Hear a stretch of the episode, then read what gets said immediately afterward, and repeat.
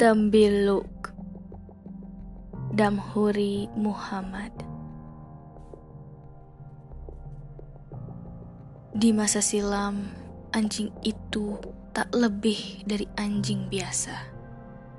Milik seorang tuan yang sedang mendalami ilmu hitam. Puncak kedikdayaan ilmu hitam itu adalah hidup abadi, alias tak bisa mati. Namun, setiap kaji penghabisan tentulah membutuhkan pengujian agar pencapaiannya benar-benar tak diragukan. Maka, pada suatu malam keramat, ia menggorok leher anjingnya hingga putus dari batang leher.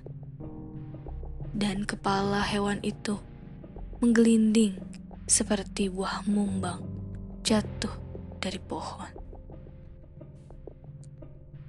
Sebelum penyembelihan, ia memasang jimat di ekor anjingnya, disertai mantra gaib yang hanya bisa dilafalkan oleh pengikut jalan sesat seperti dirinya. Ia tidak bermaksud membunuh anjing kesayangannya, karena ia hanya sedang membuktikan kedahsyatan ilmu yang telah sempurna dikuasainya. Sembari menunggu jasad anjing tanpa kepala benar-benar tergeletak sebagai bangkai dengan pisau yang sama, ia menyembelih leher sendiri juga putus, dan sebutir kepala menggelinding tak jauh dari kepala anjingnya. Dengan tangan bergelimang darah, ia memungut masing-masing kepala untuk dipasang ke masing-masing badan. Celakanya, tuan itu keliru. Ia menancapkan kepalanya ke leher anjing. Sebaliknya, melekatkan kepala anjing ke batang lehernya. Hingga pada malam itu, terwujudlah seekor anjing berkepala manusia dan seorang manusia berkepala anjing. Seketika, kedua makhluk ganjil yang tak direncanakan itu melesat lari menuju arah yang berlawanan. Dan selama bermusim-musim mereka tidak pernah bertemu. Puluhan tahun kemudian, di malam gelap bulan, orang-orang kampung Lubuk Tusuk mendengar suara gemerincing rantai akibat gesekan-gesekan dengan kerikil jalan. Anjing berkepala manusia dipercayai sedang berkeliling kampung mencari kepalanya yang telah berpindah ke lain tubuh. Kemerincing itu mengerikan. Orang yang terbilang paling berani berhadapan dengan jinaku atau hantu belau sekalipun, bila mendengarnya, tetap saja gamal. Ketimbang turun dan memeriksa asal bunyi ke halaman, ia lebih memilih merapatkan selimut kain sarung bagi yang terbangun akan berupaya tidur kembali hingga terbebas dari mendengar bunyi itu. Hantu pemburu, begitu mereka menamainya. Bukan pemburu babi sebagaimana anjing-anjing biasa, tapi pemburu kepala sendiri yang sudah hilang selama berpuluh-puluh tahun. Kenapa mereka hanya mempercayai bahwa yang beralih rupa menjadi hantu adalah anjing berkepala manusia? Ke mana perginya tuan pemilik anjing yang sudah pula beralih wujud menjadi manusia berkepala anjing? Bukankah beberapa saat menjelang subuh di kampung itu juga terdengar suara lolongan yang meremangkan segala macam bulu? lolongan yang tersimak bagai rintihan kesakitan, dan sekali waktu terdengar bagai isyarat meminta pertolongan. Apakah tidak ada kemungkinan bahwa suara itu datang dari mulut manusia berkepala anjing? Tak ada yang berpikir sejauh itu. Mereka menganggap tuan pemilik anjing telah raib sejak peristiwa malam keramat. Perihal kehilangan itu ada dua riwayat yang tertanam di lubuk tusuk. Pertama, Selepas semalam celaka itu, tuan yang setelah diurai sesilahnya ternyata bernama Tungkirang, hengkang dari lubuk tusuk. Mustahil ia bertahan di kampung dengan gelar anjing di belakang namanya. Dan lebih tak mungkin lagi mempertontonkan tabiat anjing di tengah-tengah kampung. Ia bertolak ke selatan menuju rimba puncak si cupak, hutan pekat yang pada masa itu belum terjamah. Di sana, ia membuat sarang yang tersuruk di kedalaman belukar. Dimangsainya segala macam hewan berdaging, mulai dari babi, kijang, hingga ular dan biawak. Tatkala rimba puncak si cupak mulai dijejaki orang, beberapa pencari kayu gaharu dikabarkan hilang di sana. Konon, mereka telah diterkam oleh tungkirang, manusia berkepala anjing. Itu sebabnya di masa kini, orang-orang yang bepergian melewati puncak si cupa melepaskan seekor anak ayam ke dalam rimbun semak sebagai penghormatan pada tungkirang. Kedua, Tungkirang bertolak ke kota. Zaman itu jalan belum diaspal dan setiap perjalanan masih ditempuh dengan pedati atau berjalan kaki. Namun, Tungkirang menapakinya dengan berlari secepat mungkin. Siang ia bersembunyi di tempat-tempat sepi, dan bila malam tiba, ia kembali berlari dan berlari. Begitulah pengembaraannya dari satu kota ke kota lain, dari tahun ke tahun, hingga tibalah ia di sebuah kota besar yang kini menjadi kiblat para perantau. Di kota itu, Tungkirang diselamatkan oleh seorang lelaki yang kelak ditakdirkan menjadi penguasa. Lantaran budi baiknya, Tungkirang menghamba sebagai anjing istana. Dengan ketajaman penciuman yang menakjubkan, ia mengendus setiap muslihat yang hendak menjatuhkan kuasa tuannya. Suatu ketika, tuannya tertuduh sebagai otak di balik skandal penggelapan uang negara yang bila terbukti bakal menggulingkan kekuasaannya. Di sinilah kehebatan Tungkirang diperlukan. Setiap gelagat yang mengungkit-ungkit keterlibatan Tuhan itu sudah diindusnya lebih dahulu dan lekas dilaporkannya. Tak ada yang luput dari pengendusan manusia berkepala anjing hingga tuannya nyaris tak tersentuh. Ia berlumur dosa, namun tampak suci bagai tanpa noda. Tanpa tungkirang, tentu ia sudah meringkuk di penjara. Itu sebabnya musuh-musuh Tuan Besar terus bersiasat guna menaklukkan tungkirang atau sekalian melenyapkannya bila perlu.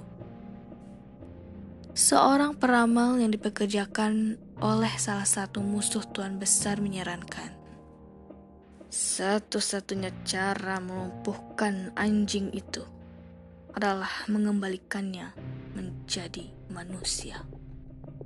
Bagaimana caranya? Bios, lalu Jolik. Tuan baru berpikir akan menyelakainya. Tungkirang sudah tahu. Ia lebih licin dari intel paling lihai sekalipun. Dengan kemampuan gaib tingkat tinggi, peramal dapat menjelaskan asal mula anjing istana itu. Tersebutlah sebuah kampung bernama Lubuk Tusuk. Banyak yang ragu, banyak pula yang bersetuju.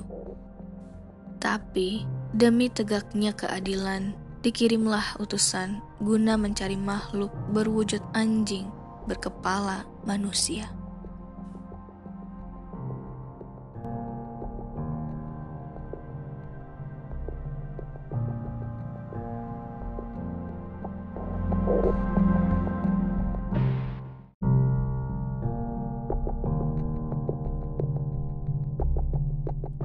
Orang-orang lubuk tusuk tidak perlu takut lagi pada gemerincing rantai yang dulu mengancam di malam gelap bulan.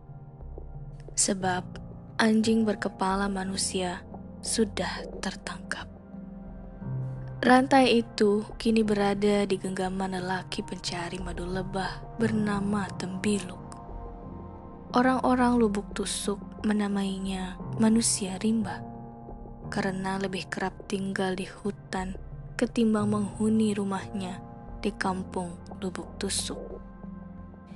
Ia hanya akan turun ke kampung bila madu lebah hasil panjatannya sudah cukup untuk dijual ke pasar. Atau bila ada panggilan darurat dari tetua kampung karena ada persoalan genting yang tak terselesaikan. Misalnya, ada jagoan yang memeras petani-petani karet, atau sekedar menggertak orang-orang yang diam-diam menjual getah karet keluar lubuk tusuk, ketimbang pada tengkulak induk semang mereka. Para jagoan itu sukar ditaklukkan, lantaran rata-rata mereka adalah para pengguna ilmu sesat yang sudah pasti kebal senjata. Orang yang sanggup meladeni ancaman itu hanya Tembilu. Sudah tak terhitung begundal yang ia patahkan tiada ampun. Baginya, tidak ada orang yang benar-benar kebal. Tak bisa ditikam dengan pisau atau lading. Dengan ilalang atau butiran padi, ia menusuknya.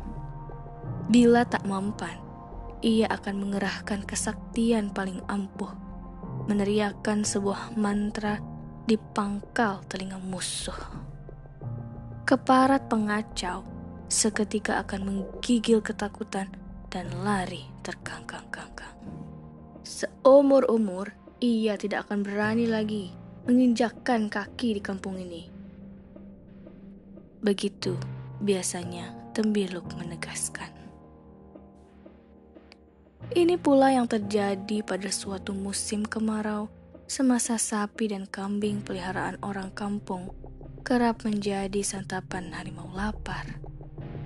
Tembiluk memaklumatkan teriakan di mulut rimba pada suatu petang.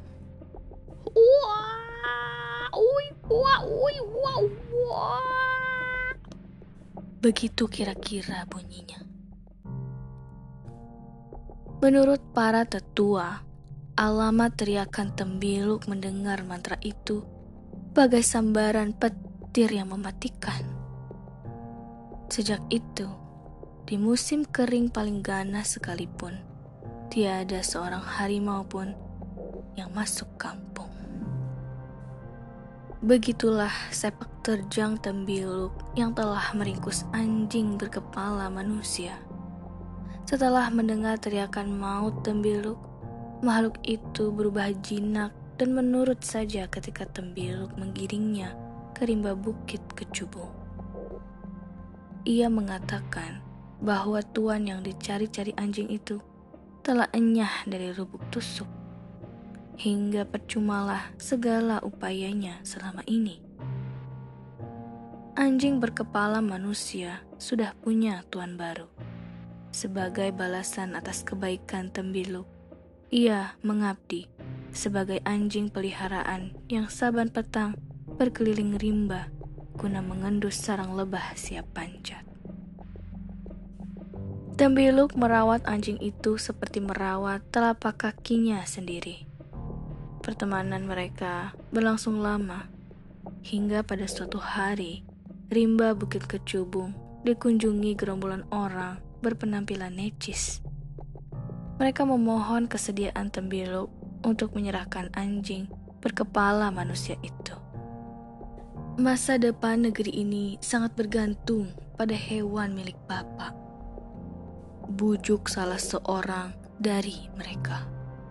Menyerahkan makhluk itu sama artinya dengan menyelamatkan bangsa. Jauh sebelum kedatangan mereka, Tembiluk sudah tahu bahwa manusia berkepala anjing telah menjadi biang kebangkrutan. Uang rakyat terus-terusan dirampok. Pejabat bersekongkol dengan aparat. Hukum tajam ke bawah. Pemimpin terpucuk yang telah menyengsarakan rakyat harus segera diseret ke meja hijau.